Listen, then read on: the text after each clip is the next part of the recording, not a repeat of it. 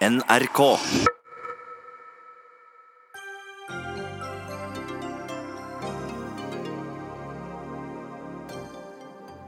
Fastlegemangelen er kommet til byene.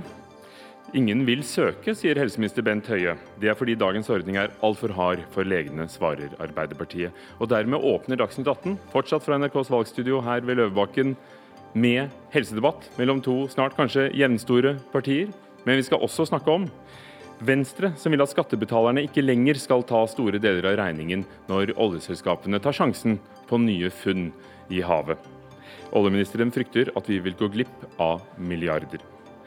Og by og land går ikke alltid hand i hand. Senterpartiet tror Venstre har fått panikk når de krangler om hvem som tar mest hensyn til byfolket.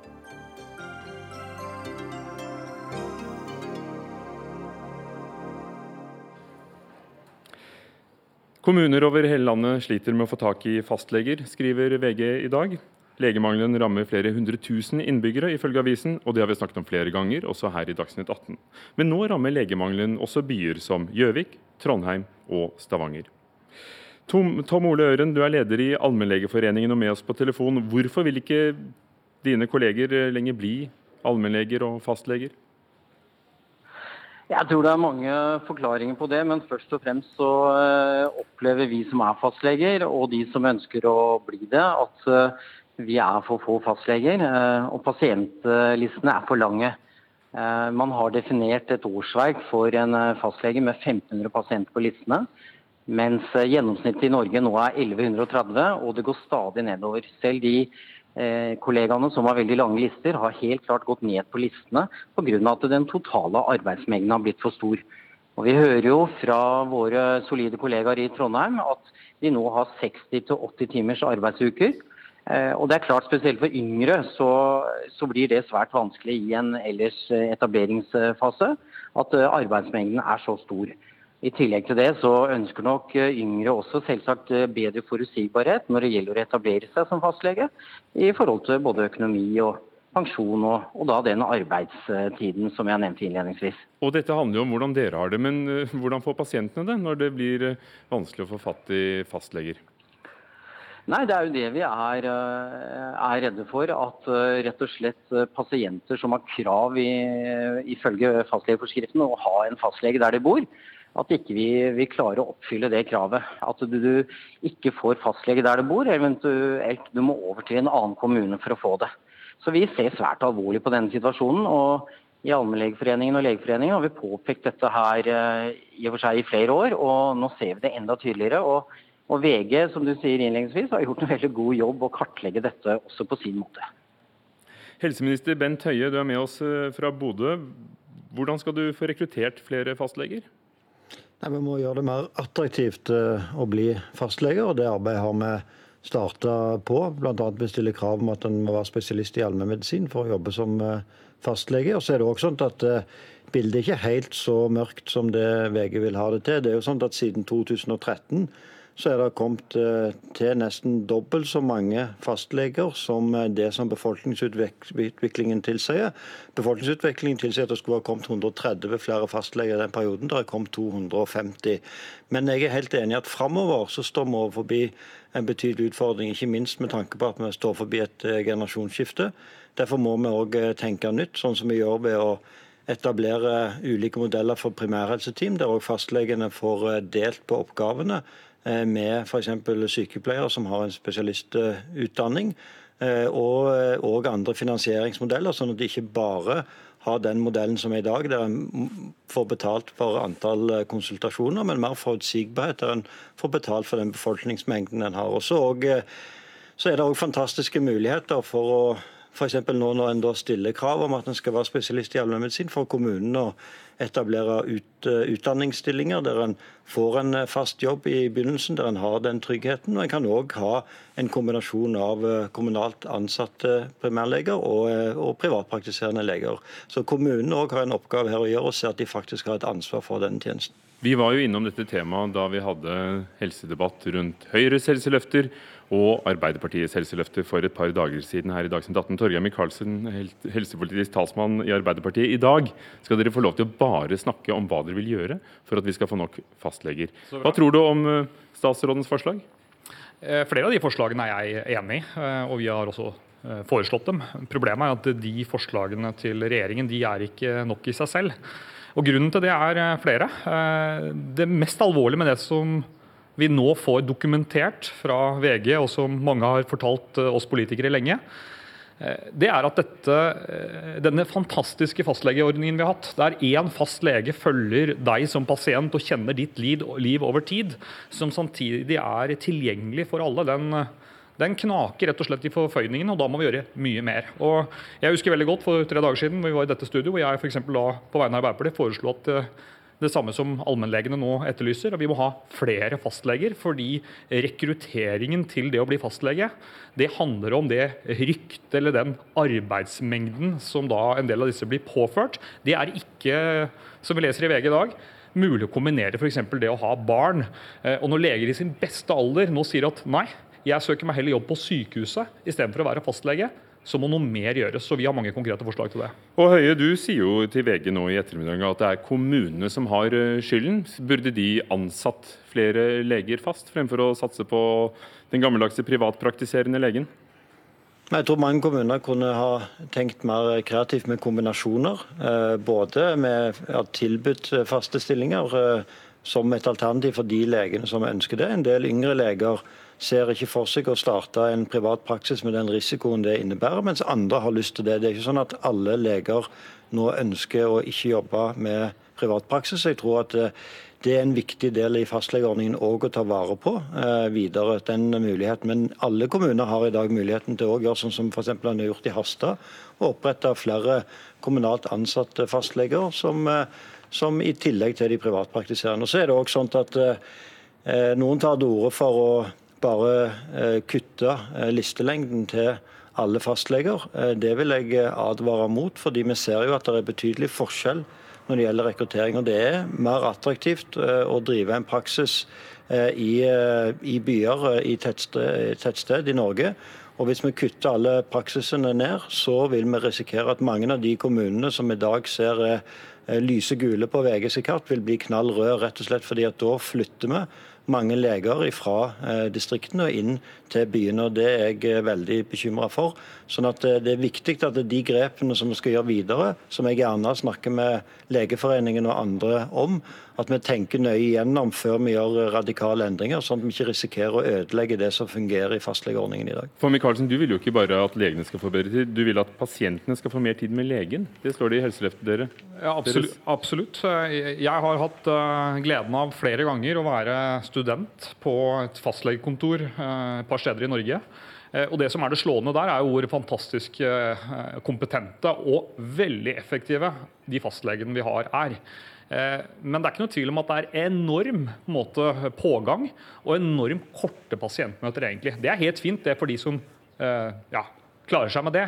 Men mange av de som vi skal gi hjelp til i framtida. De har mer komplekse eh, sykdomsbilder. De trenger ofte mer hjelp enn det vi klarer å tilby i dag. Og det går rett og slett ikke lenger med det systemet vi har i dag. Og nå synes jeg at nå må regjeringen ta ansvar for at de har holdt på med så å si ingen nye tiltak rundt fastlegeordningen de siste fire årene, og ta på alvor det nå både allmennlegene, eh, ja, VG for den saks skyld, og pasientene sier at nå er det alvor, nå må vi gjøre tiltak før det er for sent. Ja, Høie. Når du da kommer med tre tiltak som du listet opp i sted, så betyr det jo at selv om du sier at kommunene må ta skylden, så, så ser du at også staten har et ansvar? Ja, ja. Det er jeg helt klar på. Derfor er det også jeg har satt i gang en rekke tiltak. og Det er jo ikke riktig at ikke vi har sett dette. Jeg må minne Michaelsen om at vi har lagt fram den første stortingsmeldingen om denne tjenesten som er blitt lagt, som egentlig det største politiske arbeidet siden fastlegereformen ble lagt på dette området. Og det er klart at en del av løsningen er òg at eh, fastlegene jobber i større fellesskap, der de òg har kolleger kollegaer som, eh, som, ikke er leger, som nettopp kan gjøre noe av oppfølgingen av de f.eks. kronisk syke pasientene som har behov for tettere oppfølging. Og jeg synes Det er også spennende med den modellen som vi nå vil prøve ut, der de da får betalt for for den befolkningen som de har ansvaret for, og vet det på forhånd. Og så vil de òg da kunne jobbe mer med, med, forebyggende helse enn det som de kan gjøre i dagens modell. Og jeg synes Det er et paradoks at uh, i dag så kan du gå på et sykehus som er spesialisthelsetjenesten, gå på en poliklinikk og få all din behandling av en sykepleier med spesialutdanning.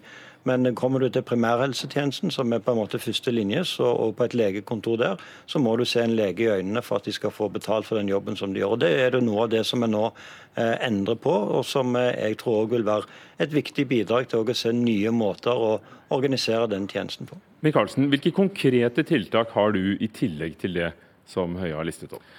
Jeg vil igangsette en umiddelbar gjennomgang av de nye jobbene eller arbeidsoppgavene og det nye byråkratiet vi f.eks. har påført eh, fastlegene. Et eh, veldig godt eksempel er når Stortinget vedtok en nasjonal regel for fravær i videregående skole. Det er for så vidt et bra forslag, det, men det praktiseres nå på en måte som gjør at eh, fastlegene opplever at venteværelset er fylt opp av småsjuke, eh, småforkjøla tenåringer som skal ha skrevet attesten sin fra fastlegen. Når vi vet hvor mange oppgaver de har, så bør det bare det, sånne ting må man rydde opp i. Men Dere var også for en fraværsgrense? Ja, men den må praktiseres på en mye mer fleksibel måte. og Det kan jo aldri ha vært meningen at det er fastlegekontor Men la oss ikke bruke tid på fraværsgrensen. Men det er, men det er, det et godt eksempel på hva som nå skjer. Det er at vi stadig vekk over tid har påført da fastlegene flere og flere oppgaver. Eh, og Men siden dette er en ordning Mikkelsen, hvor staten kompenserer legene for den jobben de gjør for at vi skal ha en fastlegeordning, så vil den vel koste mer hvis vi skal ha flere leger som har Absolutt. færre pasienter. Du lovet, Dere lovet 12 milliarder mer til sykehusene. Hvordan i all verden vil du sørge for å få kompensert dette og fastlegene? Eh, det er et ganske komplisert finansieringssystem, så vi har ikke lagd en egen modell for det i Stortinget. Det tror jeg er lurt. Men du ser at det vil koste mer? Selvfølgelig. Dette er en annen grunn til at vi sier at det er helt uaktuelt å kutte skattene videre. Vi har veldig mange uløste eh, behov, og en av de eh, tingene vi vil gjøre, det er å styrke fastlegeordningen ved å ansette flere fastleger og gjøre en lang, lang lekke grep som Men Skal staten synes... ansette, eller skal dere tvinge kommunene til å ansette? Nei, vi må jo selvfølgelig bruke kombinasjonen av ulike spaker. Det kan være listelengde, som Høie nevner, altså antall pasienter på listen. Det kan være selve finansieringssystemet. Og det kan være gjennom krav i denne forskriften som regulerer eh, fastlegenes eh, stilling. Og så må vi selvfølgelig kompensere kommunene, men dette er en bra og ganske billig måte å sørge for at folk får tilgang på helsetjenester. Alternativet er jo både helprivate løsninger hvis eh, tilgjengeligheten ikke er god nok, eller at for mange pasienter kommer opp til sykehusnivå på ting de egentlig kunne fått hjelp til på fastlegekontoret. I dag er det jo sånn Høye, at mange kommuner tyr til dyre vikarordninger og, og annet som koster for å kompensere for legemangel. Til syvende og sist så er dere begge avhengige av legenes vilje og lyst til å bli fastleger. Tror du at en regjering med, med Høyre i, ved roret vil få til flere fastleger enn Arbeiderpartiet, eller er vi helt prisgitt hva, hva legene får til, hva har lyst til? Nei, jeg tror at uh, den linjen som vi nå følger, det samarbeidet vi har med Legeforeningen, det kommer til å gjøre at vi fortsatt kommer til å lykkes til å få rekruttert eh, flere fastleger. Jeg vil minne om at uh, Sist gang Arbeiderpartiet prøvde å tykle med denne ordningen, så gikk stort sett det som var fastleger i Norge i kraftig protest ut mot, mot regjeringen. Fordi de da var i ferd med å ødelegge noe av det som fungerte best i den ordningen. Og det jeg hører nå fra Michaelsen, det er at han skal ha en gjennomgang, og så resten er en forundringspakke. og Det eh, tror jeg ikke det fastlegeordningen trenger i framtiden. Du får ikke svare på det med forundringspakke, for, for tid er ute. Men du har jo skissert ganske mye av det du ville. Tom Ole Øren, du har sittet og lyttet, fremdeles leder i Allmennlegeforeningen. Ja, Hvem tror du vil kunne få flere av dere til å ha lyst til å spesialisere seg i allmennmedisin og ta fastlegestillinger og lister? Ja, det er vårt klare mål uh, å, å, gjøre. Uh, men det var veldig mye å ta fatt i her. og jeg tenker at uh, Det som er litt viktig å si, er at den totale arbeidsmengden har på en måte steget som følge av oppgaver vi har fått overført. og Det er jo oppgaver fra sykehus. via Samhandlingsreformen i 2012, hvor vi var lovet 2000 flere fastleger som ikke kom. I 2007 og 2008 så sa Helsedirektoratet allerede da at vi må redusere på listene. Og så er det selvsagt medisinske framskritt. Vi kan behandle mer på fastlegekontorene. Og det er til dels en ønsket utvikling, men vi må få flere ressurser. Og så er det det andre også. Og det er jo at det er selvsagt flere eldre som lever lenger med kroniske sykdommer. Og totalt sett så mener vi at de fleste oppgavene som har blitt tilført fastlegekontorene, er tross alt legeoppgaver. Og det er dessverre ikke riktig som helseministeren sier, at du får all behandling hos en sykepleier på sykehusene. Det er ikke riktig. Og dessuten primærhelsetimene. Det kan være et lite supplement, men det vil selvsagt ikke løse denne tiltagende krisen som vi står midt oppi. Så færre oppgaver og, og, og mer ressurser, det er det du sier?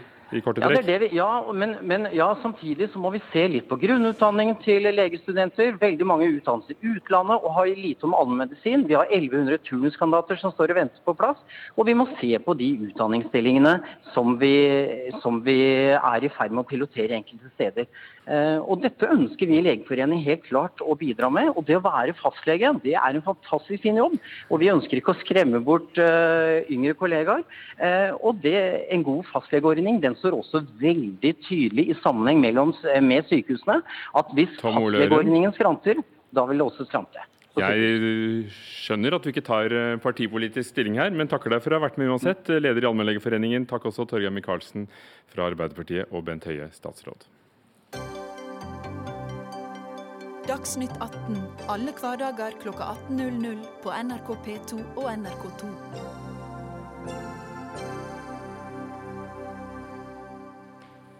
Antall ukvalifiserte lærere som jobber som lærere, fortsetter å øke. Det viser tall fra Utdanningsdirektoratet. Ifølge direktoratet var andelen i skoleåret 2016-2017 4,5% Året før var det 4% av undervisningstimene som ble gitt av lærere som da faktisk ikke er utdannet lærere. Statistikken viser at det tallet har økt litt hvert år siden 2013, skriver Dagens Næringsliv i dag. Trond Giske, nestleder i Arbeiderpartiet. At det mangler lærere er jo altså ikke noe nytt. Så hva er det du reagerer på ved dagens tall? Det er jo at situasjonen stadig blir verre. Vi har snakka om en lærerkrise som kan komme. I mange kommuner så er det sånn at den er her allerede. At de rett og slett ikke får tak i eh, folk med lærerutdanning. Slik at eh, mange elever nå opplever at de får timer som undervises av folk som ikke har lærerutdanning. Og Dette var jo et av Høyres store flaggnummer, eller glansnummer i valgkampen 2013. At Kristin Halvorsen og den rød-grønne regjeringa fikk så ørene flagra over at det var så mange ukvalifiserte lærere i skolen, eller folk som var i lærerstilling uten utdanning. Og nå har det altså økt med nesten 40 Høyre og Frp har mislykkes i det som er den viktigste jobben i skolen. Det er å gjøre det attraktivt for lærere å søke til skolen, og sørge for at man dekker opp i hvert fall de undervisningstimene som skal foregå der. Ja, Kristin Vinje, stortingsrepresentant og medlem av kirke-, undervisnings- og forskningskomiteen fra Høyre. Du har også vært eh, skolebyråd i Oslo. Stadig flere ufaglærte i skolen, selv om dere har satset på strengere krav for å bli lærer og på etterutdanning. Hva har skjedd? Ja, Vi er heller ikke fornøyd med at det er ufaglærte lærere i skolen. og Derfor er jeg veldig glad for at vi faktisk har levert på det vi gikk til valg på, nemlig å styrke lærerrollen. Over 20 000 lærere har under de fire årene fått videreutdanning. Sånn situasjonen er bedret i forhold til hvordan det var under den rød-grønne regjeringen.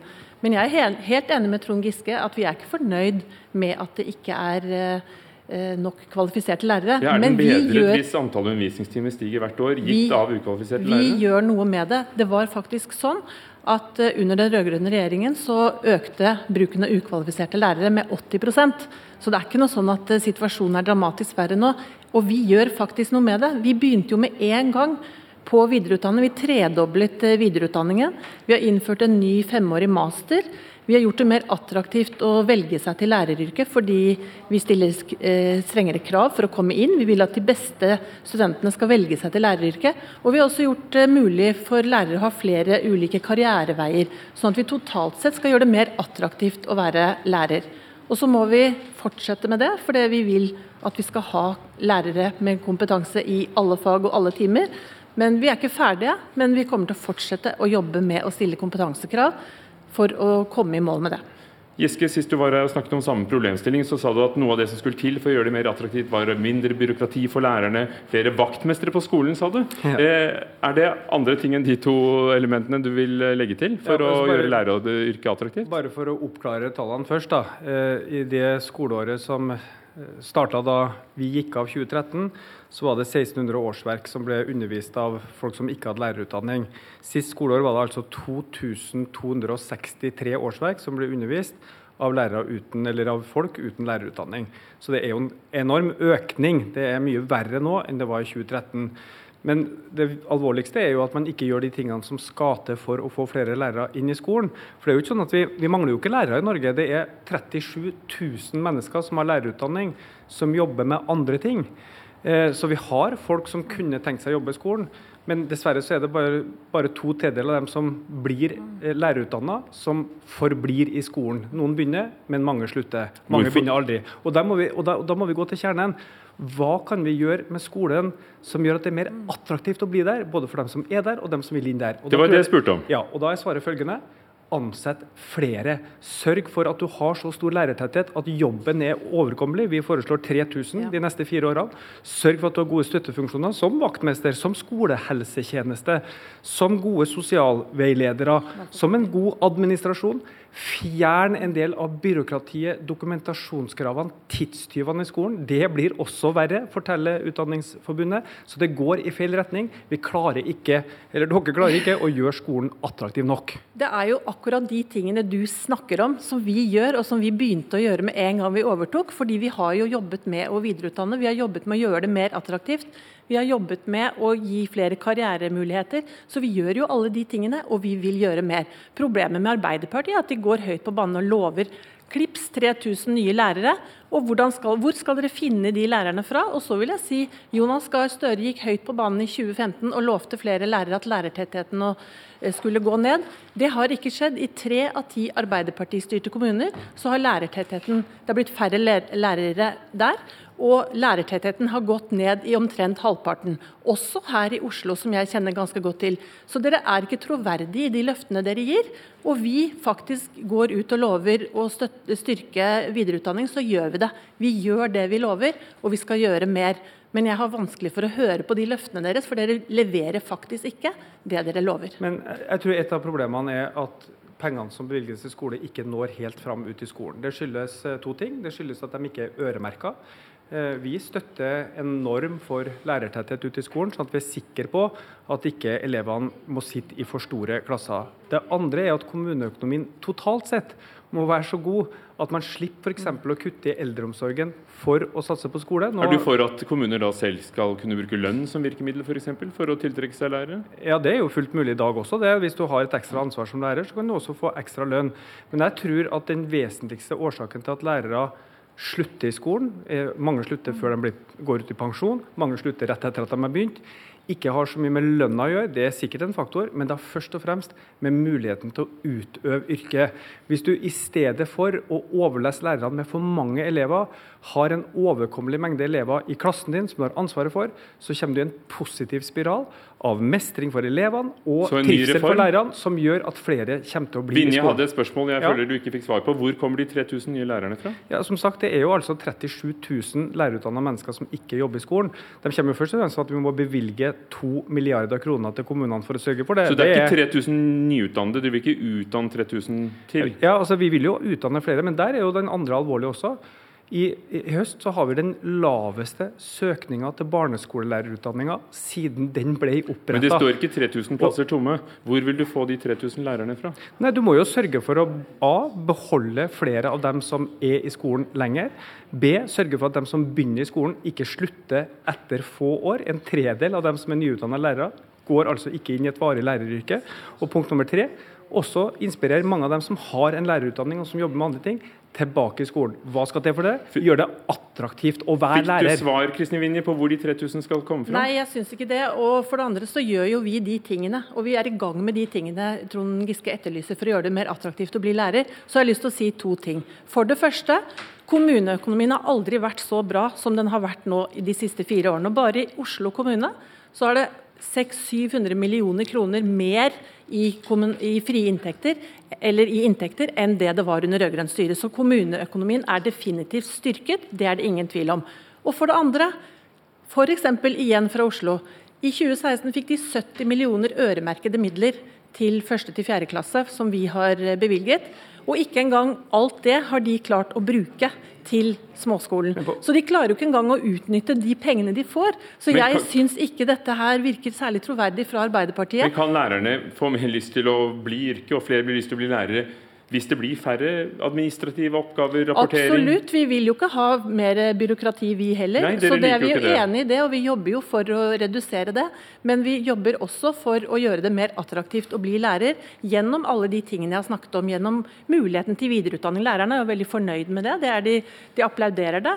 Det at uh, det er flere muligheter til å ha ulike karriereveier i skolene også. Og vi har også styrket helsetjenesten ved skolen, som også er en viktig ting. Ja, som er det du etterlyste.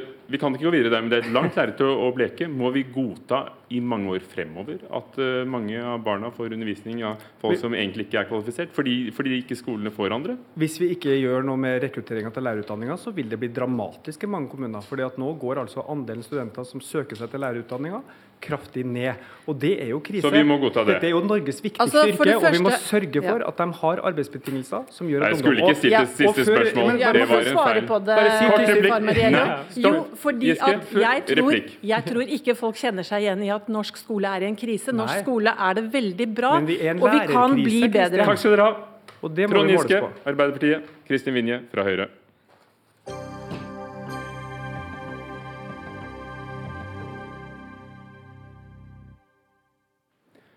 Skal staten fortsatt garantere oljeselskapene at skattebetalerne tar deler av regningen for å lete etter olje, selv om de ikke får tak i nye funn på havbunnen?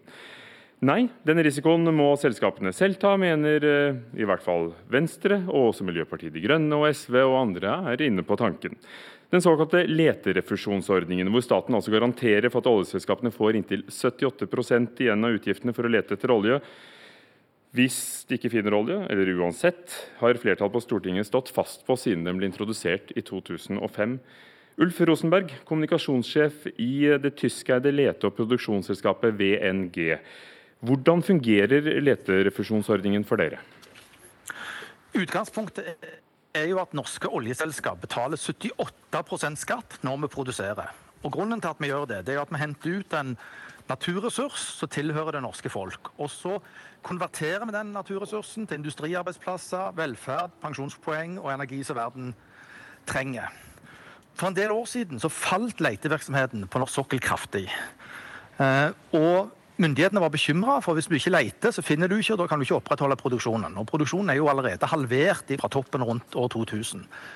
Så for å bidra til at flere selskaper kommer og leter, så ble det innført denne leterefusjonsordningen. Og VNG er jo et av mange selskap som har nytt godt av det. Fordi at vi er ikke kommet så langt ennå at vi har så stor produksjon at vi betaler fullt ut skatt, 78 på alt vi gjør. Eh, derfor får vi tilbake en del av letekostnaden, og så skal vi betale det tilbake når vi begynner å produsere. Hva, hva, hva, hva ville det betydd Ulf Rosenberg, eh, for dere i VNG? Ville dere da ikke tatt sjansen på dette pil- og buefunnet i Norskehavet nord for Kristiansund, eh, hvor du er, uten denne ordningen? Uten leterefusjonsordningen så hadde ikke pil og bue blitt funnet. I dette området har det vært letet olje og gass i 30 år.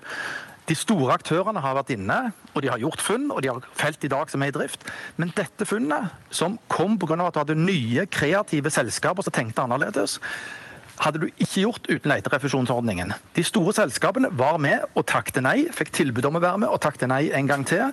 Men en gruppe av fire nye selskaper på norsk sokkel, relativt nye, leita og fant. Og da fikk de utbetalt to milliarder i leterefusjon. Når dette feltet kommer i drift, og vi satser på å levere inn planen for det på slutten av året, så kommer det, det, feltet til å generere 16 milliarder kroner i skatteinntekter. Så 2 milliarder ut, 16 milliarder inn. Det er olje i bakken her tilsvarende med dagens oljepris 40 milliarder. Og så bruker vi litt over 10 milliarder på å bygge ut, og så litt under 10 milliarder på å drive i 20 år. Da sitter du igjen med 20. Og så får, vi se hva oljen koster i, så får vi se hva oljen koster i fremtiden. Men dere har altså tatt sjansen. Takk skal du ha, Ulf Rosenberg, eh, kommunikasjonssjef i VNG, som altså er med og har funnet olje på pil- og buefunnet. Ola Elvestuen, stortingsrepresentant fra Venstre. Tror du eh, at det hadde vært verdt prisen for oss å gått glipp av de milliardene som eh, vi hørte kan bli generert fra pil og bue? Ja, dette er jo nettopp et system som har vært og det har tjent oss godt i, i flere tiår, eller det er 20 år siden sist vi hadde en petroleumsskattekommisjon. Men situasjonen i framtida kommer til å være annerledes. Det er det at vi nå må forvente at uh, oljeprisene vil bli lavere. Petroleums, uh, eller etterspørselen på olje og gass må ned for at vi skal nå Parisavtalen med to grader små, skal vi strekke oss mot 1,5 grad, så må du, må du, ha negative utslipp på global basis når vi nærmer oss 2060. Så du innser at når det gjelder pil og bue, som ennå ikke er i gang som et felt, så vil vi kunne gå glipp av milliarder, men det er verdt prisen fordi vi skal nå klimamålene? Poenget nå er at vi, skal, vi er over i en ny situasjon. Det er en ny situasjon hvor vi også må legge om vår oljepolitikk og vår eh, oljeskattepolitikk ut fra at vi må forvente at forbruket, eller forbruket skal skal ned i tiårene framover, eh, og prisene deretter også vil eh, falle. Og Da trenger vi å gjennomgå disse reglene, sånn at vi ikke unødig eh, bruker offentlige midler på en leteaktivitet hvor selskapene, for dette er jo selskaper som ikke alltid er i skatteposisjon, selskaper som da kanskje aldri kommer i skatteposisjon, så ender vi opp med at det er det offentlige som tar utgiften. Terje Søviknes, olje- og energiminister fra Fremskrittspartiet. Hvorfor skal vi være med på dette lotteriet det er, og, og betale billetten for å kanskje finne olje og kanskje ikke? Nå viser jo dette eksempelet fra VNG veldig godt uh, hva det har betydd hittil. og Vi har mange andre eksempler. Lundin gjorde funnet Edvard Grieg, som senere leder til kjempeprosjektet Johan Sverdrup, som vi heller aldri hadde funnet hvis ikke man hadde hatt leterefusjonsordninger. Så vi har fått et mangfoldig aktørbilde på sokkelen. Det betyr at man får friske blikk inn på gamle reservoar, man får nye letemetoder. Og det har gitt oss eh, store funn som har generert arbeidsplasser i utbyggingsfasen, og som genererer inntekter til velferden vår. Og det er ingen grunn til at ikke det skal fungere òg i fortsettelsen. Og det er tross alt sånn at selskapene tar fortsatt en risiko, og de gjør sine vurderinger i forhold til klimabildet når de vurderer de funn de gjør for utbygging. Da vurderer de oljeprisbane, de vurderer endringer i kvoteregimet og muligheter for høyere CO2-utgift eller avgift. Og dette kommer til å fungere òg i fortsettelsen. Det har tjent oss ekstremt bra. 100 milliarder i, olje, i leterefusjonsordninger hittil siden 2005, når det ble innført. I den perioden har vi samtidig hatt 4500 milliarder i inntekter til fellesskapet. Men selskapene tar liten risiko, også når de bygger ut et felt. For med avskrivningsregler på seks år, at du har en friinntekt på 21% at etablerte selskaper kan motregne de nye funnene med etablerte prosjekter, gjør jo at over 90% av den utgiften de har, er en skattefinansiering, fordi dette er reduserte skatter på andre felt. Og Da er det jo ingen grunn, det er ingen risiko ved hele tiden å fortsette og fortsette med nye funn. Vi hørte jo at et lite selskap ville ikke tatt den risikoen på, på 800 millioner kroner som det ville vært på pil og bue. Det er en risiko på 800 millioner kroner. Det er ikke du vil stå igjen kanskje bare med de store selskapene av Statoil-størrelse? Ja, dette var jo et system som ble innført fordi du skulle ha inn flere små selskaper. Og Det er ingen tvil om at det har gjort at du har fått funn som du ellers ikke ville fått. Men grunnen nå er jo at vi går over i en ny tid. Det går over i en ny tid hvor forbruket av olje og gass skal dramatisk reduseres i åra framover. Og da må vi redusere Søviknes, også den risikoen som vi har, istedenfor at det er for mye som jo, tas av det offentlige. Men Det er ingen som er bedre der ute til å vurdere ja, de oljeprisene enn selskapene sjøl. Og de tar en risiko, de gjør sine vurderinger. Og la meg nå legge til, da, når det gjelder leterefusjonsordninger, så har det altså generert store inntekter som vi har fått eh, dokumentert her.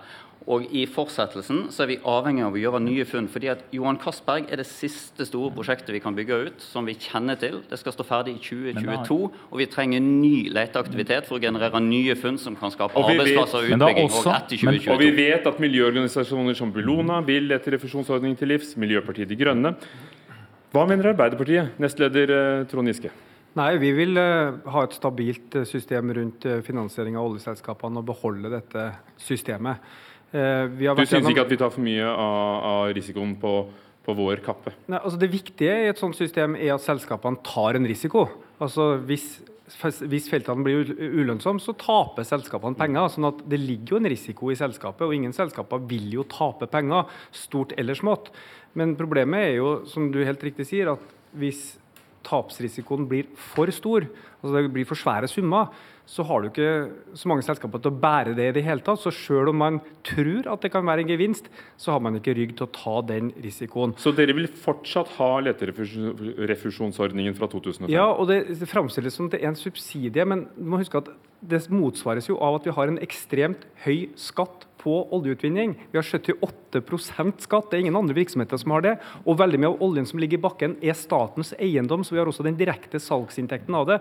Og da må du ha et system som sikrer at det er faktisk selskaper som er interessert i å bygge ut det. Staten får det meste av inntektene, og vi må ha en jevn leteutvinning. De får igjen på skatten på forskudd, ja. som næringen selv sier. Du skjønner hvorfor jeg spør? Fordi Under Arendalsuken sa eh, deres finanspolitiske talsperson Marianne Martinsen at det er på sin plass å ha en løpende diskusjon om hvor stor risiko staten faktisk skal ta i letefasen. og Da ble det oppstandelse blant mange i miljøet.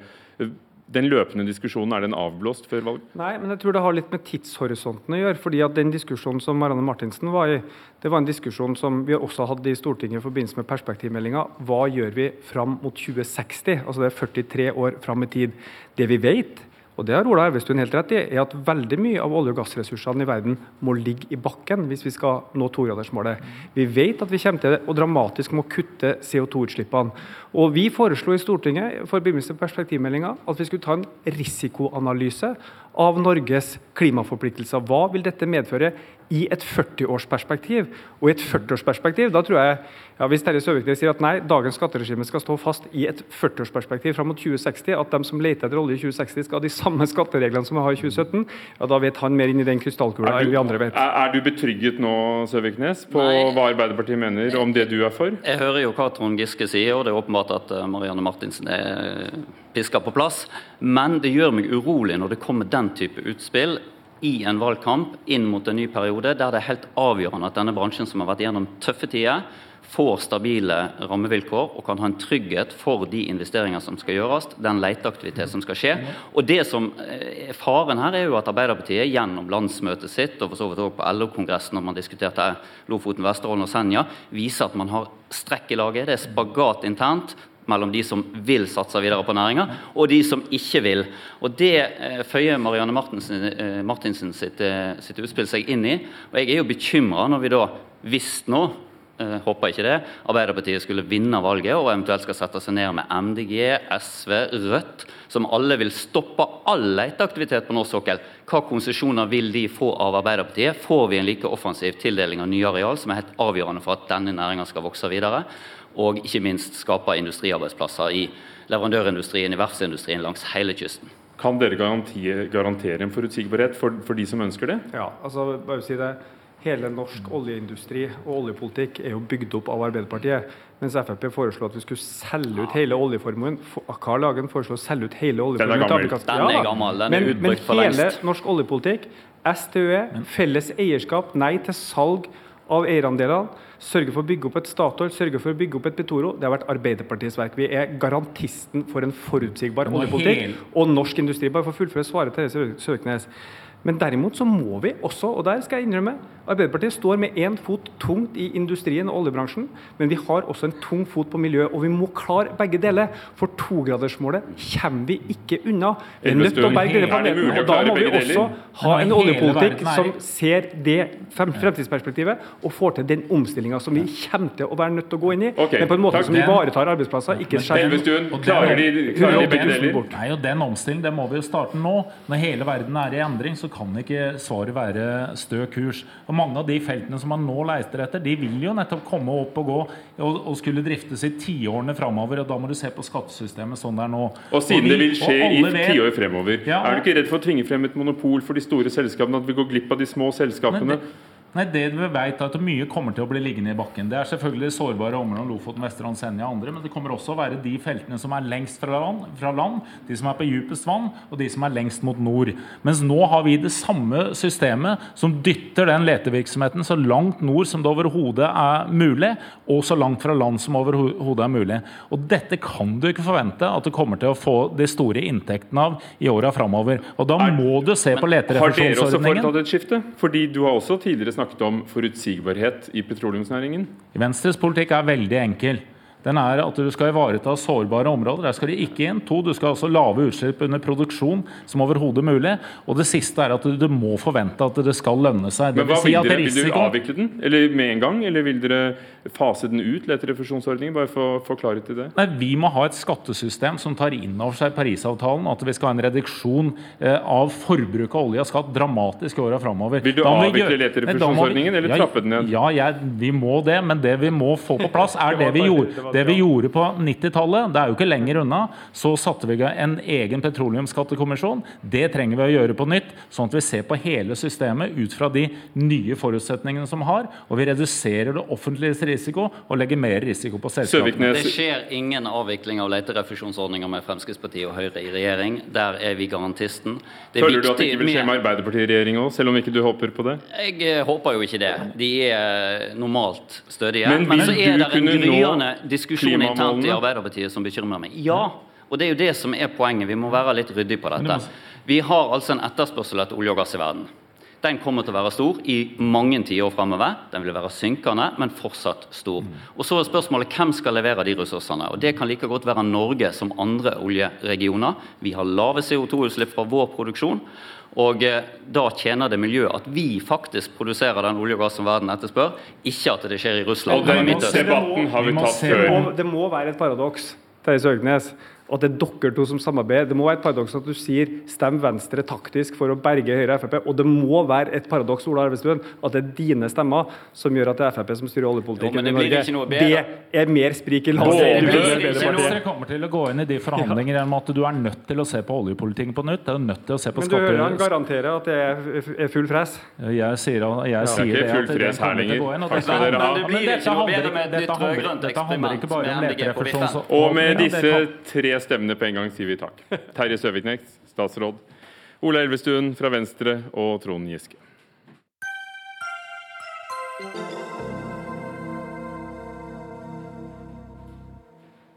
I dag er det 20 år siden lady Diana Spencer døde. Hvem husker ikke bryllupet som sto i St. Paul-katedralen i London, det stormfulle ekteskapet mellom lady Di og prins Charles, og at hun mente at uh, det var flere i det ekteskapet enn de to. Og det var det jo. Etter flere år med uro og krangel skilte Diana og Charles seg i 2000, nei, allerede i 1995.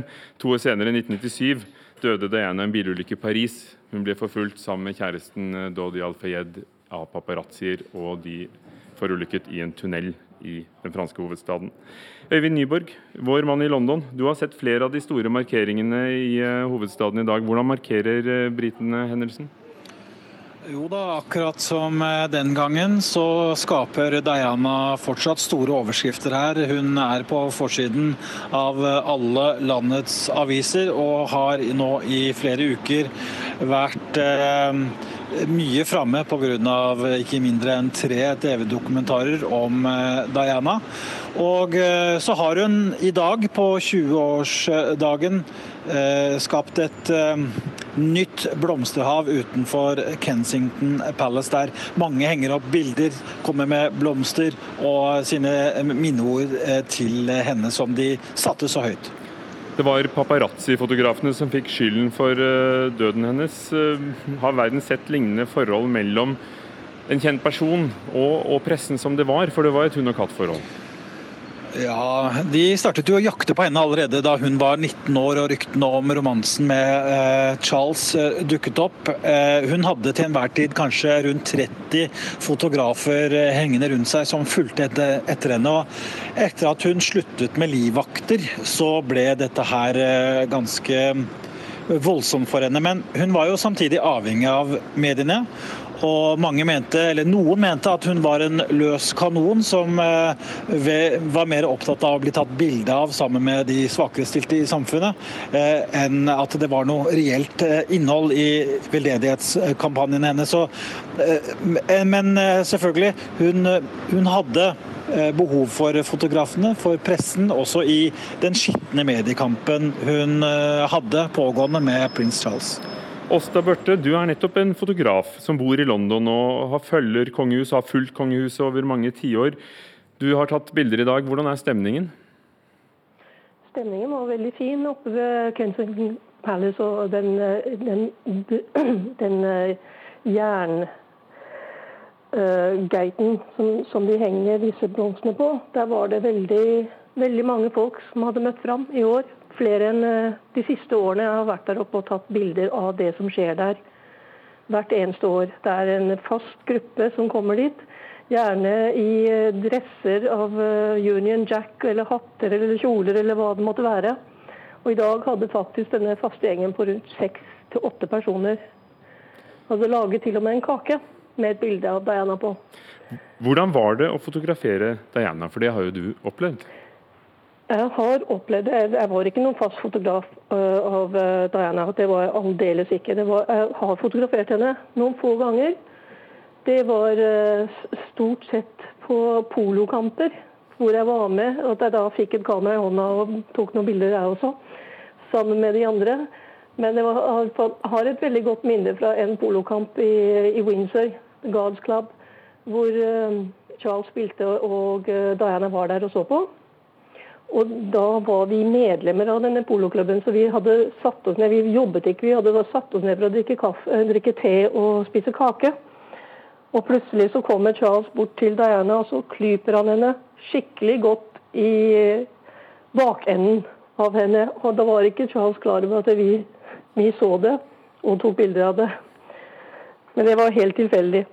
Men det er en av de, de artige minnene jeg har fra, fra den tiden som jeg var rundt henne. Det var mye snakk om paparazzi-fotografenes rolle. og Det var jo en som hadde fulgt etter Mercedesen deres i Paris på motorsykkel, og, og var definitivt nærgående, selv om uh, ingen ble jo dømt for det som uh, skjedde her. Men er paparazzi-fotografene, du som følger, følger uh, kongehuset i London og ser hvordan de forskjellige delene av pressen jobber, er de like pågående i dag? Nei, det er de ikke. Og det er altså jeg blir litt irritert når jeg hører paparazzi-fotografer. For veldig mange av disse fotografene som var rundt Erna, og som fulgte henne verden rundt da hun eh, dro til Afrika, da hun dro til Chile, da hun dro rundt omkring og, og, og ville ha med seg fotografer, så var det en, en, gjeng med fotografer som var med henne. Og de oppførte seg ordentlig, for å si det sånn. For eksempel, et eksempel jeg har, jeg var ikke der selv, men hun var på ferie med, med guttene rett etter nyttår. Og eh, da kom en av hennes livvakter, eller av de eh, politifolkene som var med henne. Da kom de og snakket med det presseoppbudet som var der. Det var veldig mange av det vi kaller fritidfotografer. Det er de som jobber for avisene. Og, og noen andre frilansere. Ikke paparazzi, men frilansere. Og da kom de og sa at ja, hvis dere er på den og den stranden klokken ti, så får dere bilde av prinsessen sammen med barna, og så lar dere, lar dere, de være i fred etterpå. Og det gjorde de. Så det var et sånn fotoopplegg, da, kan du si. Og det var ikke snakk om at noen gikk da tilbake senere og, og prøvde å ta andre bilder. Så det, det er to sider til den, den historien. Et gjensidig avhengighetsforhold. Åsta Børte, takk skal du ha. Fotograf, eh, altså bosatt i London. Eh, med kongehuset som eh, arbeidsfelt. Øyvind Nyborg, vår korrespondent. Det store spørsmålet er hva har lady Diana og hennes ettermæle gjort med kongehusets stilling i Storbritannia?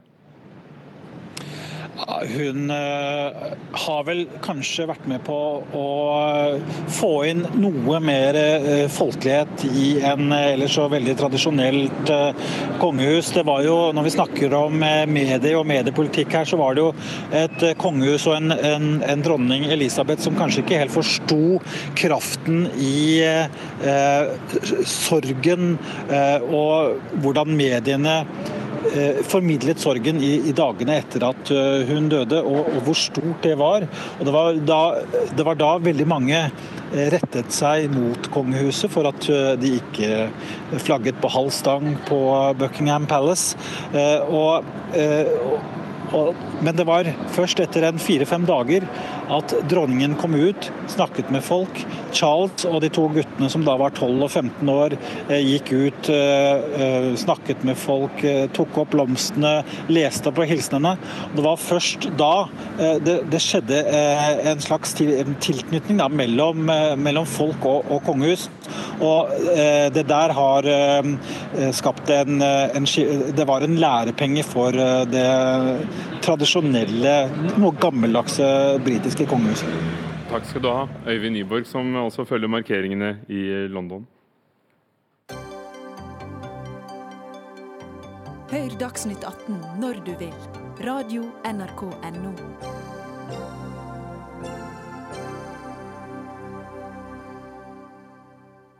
Hvem bryr seg mest om by og land? Debatten mellom Venstre og Senterpartiet er i full gang etter at stortingsrepresentant Abid Raja kom med et utspill om at byene vil tape dersom Senterpartiet kommer til makten på en eller annen måte.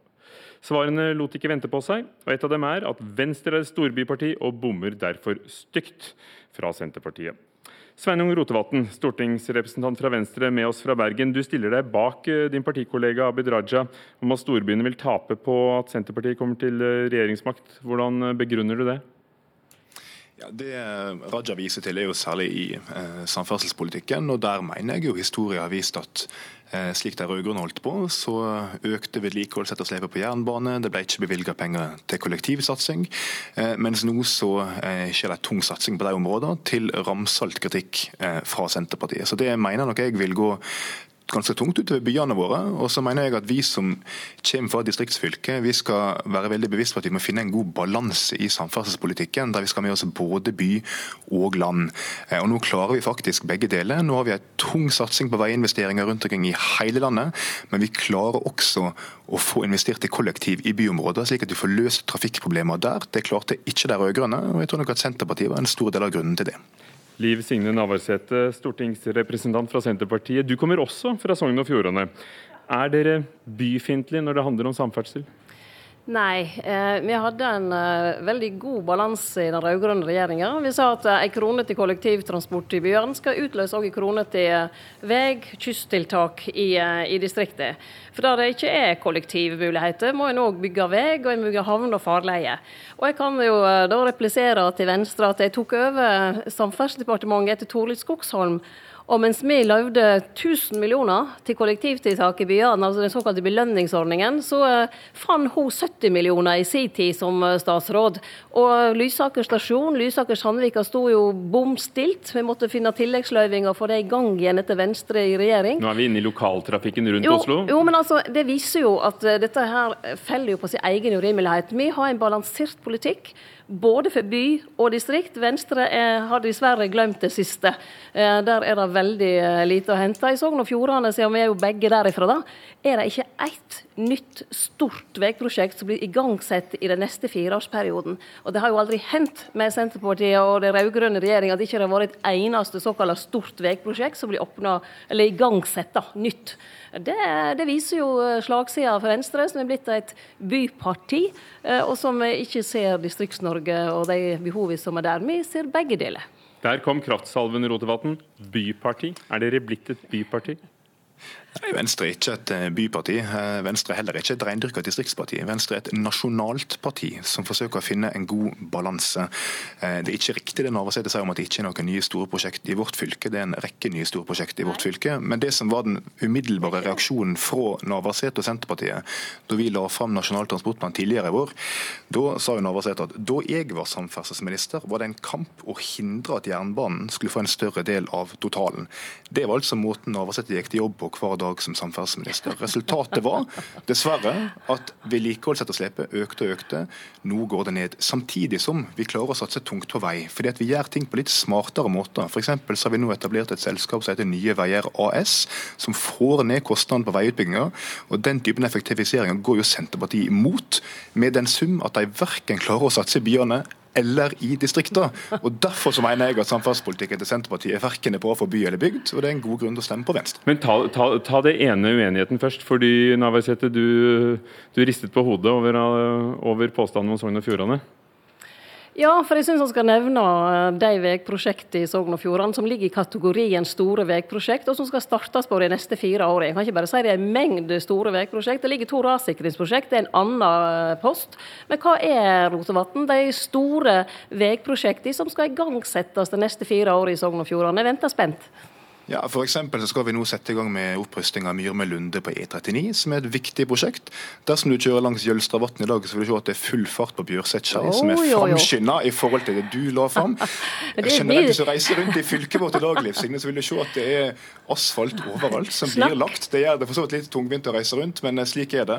Men i tillegg så har vi f.eks. da firedobla belønningsordninga for kollektivtrafikk i Oslo i forhold til hva du la fram. Ja, nettopp. Vi Nei, men poenget mitt at vi klarer å gjøre begge deler. fordi Det Senterpartiet de rød-grønne gjorde, det var at de brukte pengene til å smøre alt tynt utover uten å klare å satse ordentlig på noe som helst. Nå bruker vi en langt større del av handlingsrommet i budsjettet på samferdselsinvesteringer, på utdanning og på skattelettelser. Vi skal også skape balanse her i studio, så, så jeg prøver meg på et minutt her og et minutt der. Mener du at det er blitt ubalanse med denne regjeringen? Altså, for det første så kan jo ikke Rotevatn nevne et eneste nytt stort prosjekt i Sogn og Fjordane, for de finnes ikke. Det er noe som alle som eh, kjenner NTP vet. Men du hevder at dere hadde én krone til byer, én ja. krone uh, ja. til distriktene. Ja, er, det, er, det, ubalanse nå? Ja, eh, og da jeg sa det jeg sa om jernbane, så sa jeg det som stortingsrepresentant for Sogn og Fjordane, der vi ikke har jernbane, med unntak av den flotte Flåmsbana, som er turistbane. Eh, og vi hadde en tredel ca. til jernbane. Jernbane står for 5% av trafikkarbeidet. Eh, for persontrafikk så står veien for nesten 90 og Da fant vi det rimelig at det skulle løyves mer til vei, forholdsvis, enn til jernbane. Men det var jo vi som satte i gang den storstila utbyggingen på intercity, så vi ser jo det store behovet for å, bygge kollektiv i byene. Det var det vi hadde et tydelig skille på det. Først og fremst kollektiv i byene, men så bygde vi ut E18, bygde E6 nordover, vi bygde og, og østover. Altså vi bygde veier, de nødvendige veiene inn til byen, men, men vi hadde en mye bedre balanse mellom distrikt og by enn det vi har i dag. Og det jeg tror jeg de fleste som kan noe om samferdsel, vil være sammen med Senterpartiet i at vi hadde. Rotevatn, kan det være at eh, det ikke er riktig, mener du, å fordele 50-50? Dere skryter at dere har vært med da på f.eks. på den nye sentrumstunnelen under Oslo og vedta den i Nasjonal transportplan. Kan det være at dere mener at byene faktisk trenger mer enn en halvparten? Altså, jeg mener det er riktig å bygge både ny sentrumstunnel i Oslo og Stad skipstunnel i vårt fylke. Eh, vi må klare den balansen på en god måte. Men det Navarsete og Senterpartiet nå gjør, at de reiser rundt i alle debatter i valgkampen og sier at vi bruker altfor stor andel av NTP på kollektivløsninger og jernbane.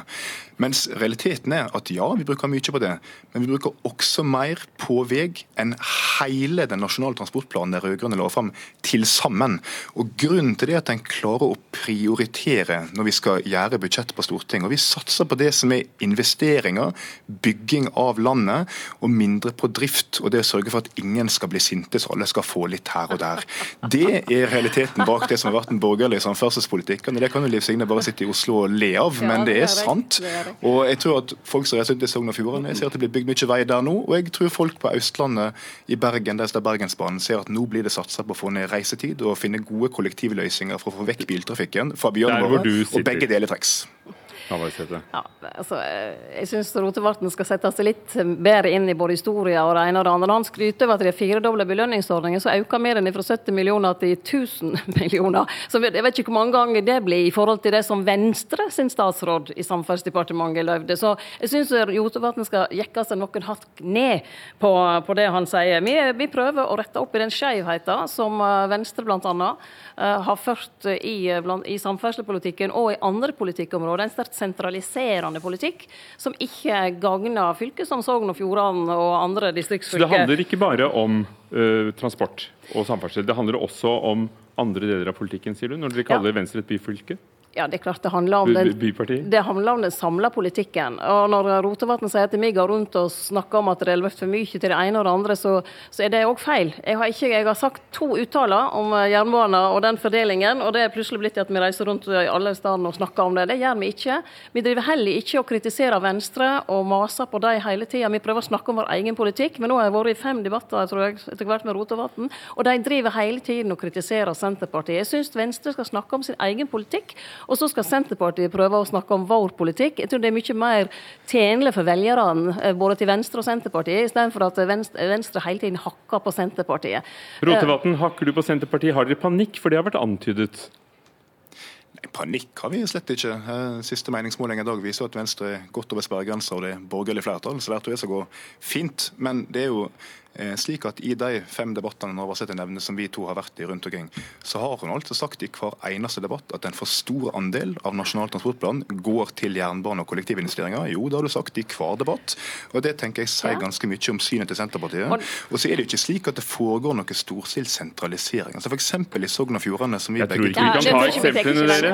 Jeg tror, jeg tror dere har vært innom eksempler, i hvert fall noen av dem. Takk skal dere ha. Sveinung Rotevatn fra Venstre i Bergen, Liv Signe Navarsete fra Senterpartiet i Oslo. Begge fra Sogn og Fjordane. Det var Dagsnytt 18 for i dag. Lisbeth Sellereite var teknisk ansvarlig. Fredrik Lauritzen ansvarlig for det hele, og Ugo Fermarello programleder. Takk for i dag.